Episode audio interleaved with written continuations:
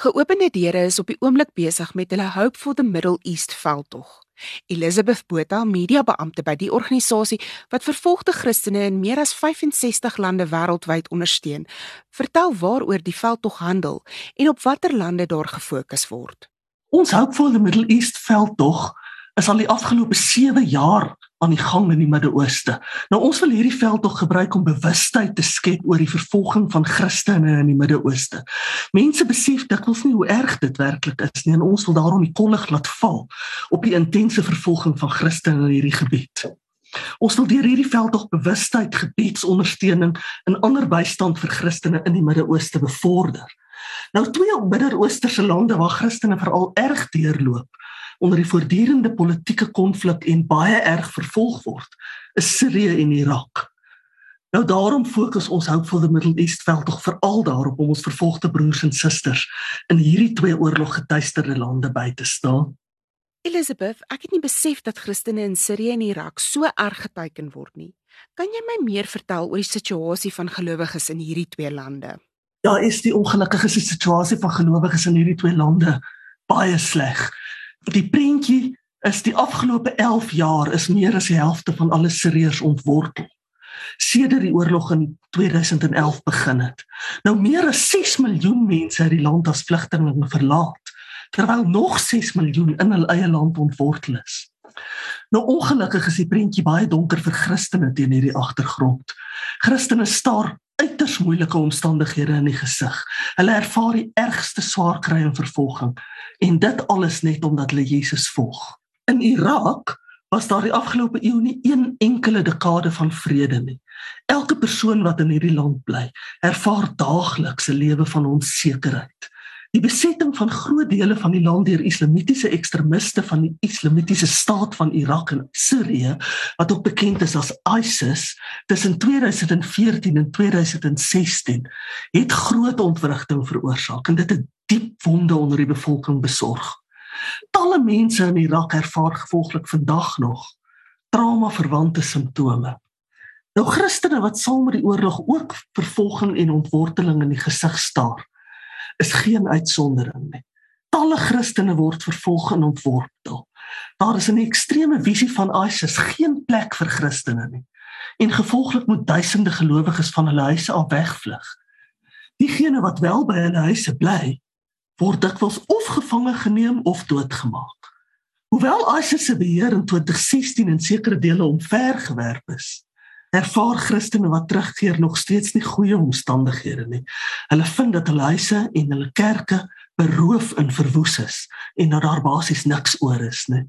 'n Mens kan jouself amper nie indink hoe moeilik die lewe vir gelowiges in die Midde-Ooste moet wees nie. Kan jy dalk met ons die getuienis deel van 'n gelowige in hierdie gebied? Weet jy, dink onwillekeurig aan die verhaal van Vian. Vian is 'n 35-jarige vrou van El Kosh in Irak. Hoewel hierdie dorp nie deur ISIS oorgeneem is nie, is dit verskriklik naby aan die voorste linie. Met die gevolg dat Wian se sakke omtrent permanent gepak is. Sy's altyd slaggereed om te vlug. Daar's gedurende gewelddadige insidente en trauma. Nou Wian vertel dat daar al soveel konfliksituasies in haar lewenstyd was dat sy dit nie eens kan tel nie. Sy ervaar elke liewe dag trauma en konflik in haar stad en rondom haar. Weens al hierdie swaar kry, het Wian gesukkel om in God te glo. Wanneer al mense haar van sy teenwoordigheid vertel het, het sy hulle gevra waarom daar dan soveel swaar kry, marteling en ontworteling is. Eers nadat sy hierdie trauma verwerk het, kon sy die teenwoordigheid van God in al hierdie gebeure sien. Nou geopende deure werk die afgelope 7 jaar met hulp van ons plaaslike vennote om die Christen gemeenskap in Irak se geestesgesondheid te versterk. Daarvoor het ons 'n langtermynprogram in traumabewustheid en traumasorg. Daar is alreeds 3 traumasentrums, 'n beradingsskool vir Christene in beroeping wat getraumatiseerde mense werk en ander hulpmiddels op die been gebring. Meer as 30 versorgers op die die oomblik deel van die program en hulle volg 'n program van 2 jaar by die traumasorgskool. Wian is 'n programfasiliteerder in die traumasorgsentrum in Elkosh. Sy is al 6 maande besig met haar kursus by die beradingsskool. Nou dit was dis so wonderlik, dit was juist tydens een van die sessies by die skool wat sy geleer het om God se teenwoordigheid te ervaar. En wat sy begin besef het, maar God is teenwoordig, God is daar ondanks al die swaar kry. Nou wil sy hierdie kennis wat sy opgedoen het help om ander te help om dit ook te ervaar. Sy wil graag haar vaardighede verbeter sodat sy ander mense kan help om hul hartseer te verwerk en te genees. Kan jy asseblief vir my meer vertel oor die trauma sorgsprogram waarvan Wian deel is, asook die sentrums van hoop wat geopende deure in die Midde-Ooste bedryf? Ek dink aan broer Wissam. Broer Wissam is 'n monnik in die Christelike stad Kwarakwash. Hy is een van die dryfkragte agter die trauma sorgsprogram in Irak. Volgens hom is die toekoms van Christendom in Irak baie donker as die trauma in die gemeenskap nie aangespreek word nie. Daarom is dit belangrik dat al die betrokkenes met mekaar in verbinding bly en vir mekaar moet omgee terwyl hulle in vrede saam bly. Broer Wissam benadruk egter dat berading slegs die begin van die reis is en dat ons moet besef dat trauma sorg 'n voortgesette reis is. Nou, die trauma sorgprojekte wat aangepak word, bring genesing in die land. En baie mense is danksy die projekte ten minste in staat om nou daaglikse lewens normaal te funksioneer. Hoewel hulle steeds verskriklik sukkel, oorleef hulle ten minste en kan hulle dit minst voortgaan met hulle daaglikse lewens. Sulke diep wonde as wat ons ervaar, word egter nie vinnig genees nie. Dit neem tyd om bewustheid te skep en genesing te bewerkstellig. Dit kan selfs jare en generasies lank neem.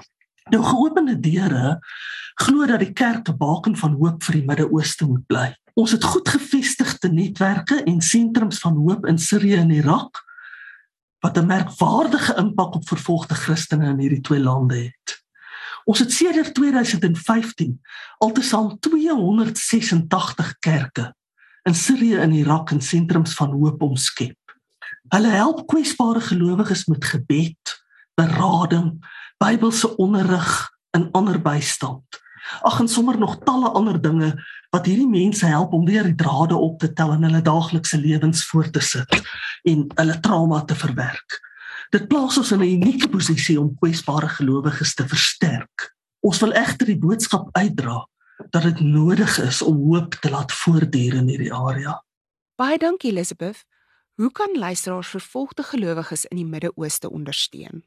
is die luisteraars kan betrokke raak by gelowiges in die Midde-Ooste. Um hulle besef nie hulle gebede en ondersteuning kan help om mense soos Wian in die plaaslike kerk in hierdie oorloggetuisterde lande te bemagtig om vir hul geloof op te staan. So ons wil werklik 'n beroep doen op luisteraars om betrokke te raak. Ons wil probeer om die wêreld te mobiliseer om 'n gebed vir die Midde-Ooste te verenig En daarom wil ons vanjaar 1 miljoen gebede van hoop vir ons broers en susters in hierdie gebied laat opgaan. Saam kan ons die vervolgde kerk help om te oorleef en te skyn en om hoop te laat voortduur. Luisteraars kan in gebed by ons vervolgde geloofsfamilie in die Midde-Ooste staan deur hulle stemme by die 1 miljoen stemme in gebed veldtog te volg. Voeg. Die doel van die 1 miljoen stemme in gebed veldtog is om die wêreldwye familie van God te mobiliseer en 1 miljoen mense te kry om vir die kerk in Irak en Sirië te bid om hoop te laat voortduur. Nou hoe mense betrokke kan raak, hulle kan ons webtuiste besoek by opendoors.org.za om te registreer. En so kan hulle dan help om die wêreld in gebed vir die Midde-Ooste te verlig. Diegene wat registreer, se name sal by ons 1 miljoen stemme in gebed kaart gevoeg word om in gebed saam met Christene reg oor die wêreld te verenig. Net weer ons webtuiste. Dis opendoors.org.za. Wees een in 'n miljoen vandag en voeg jou stem by as 'n gebaken van hoop.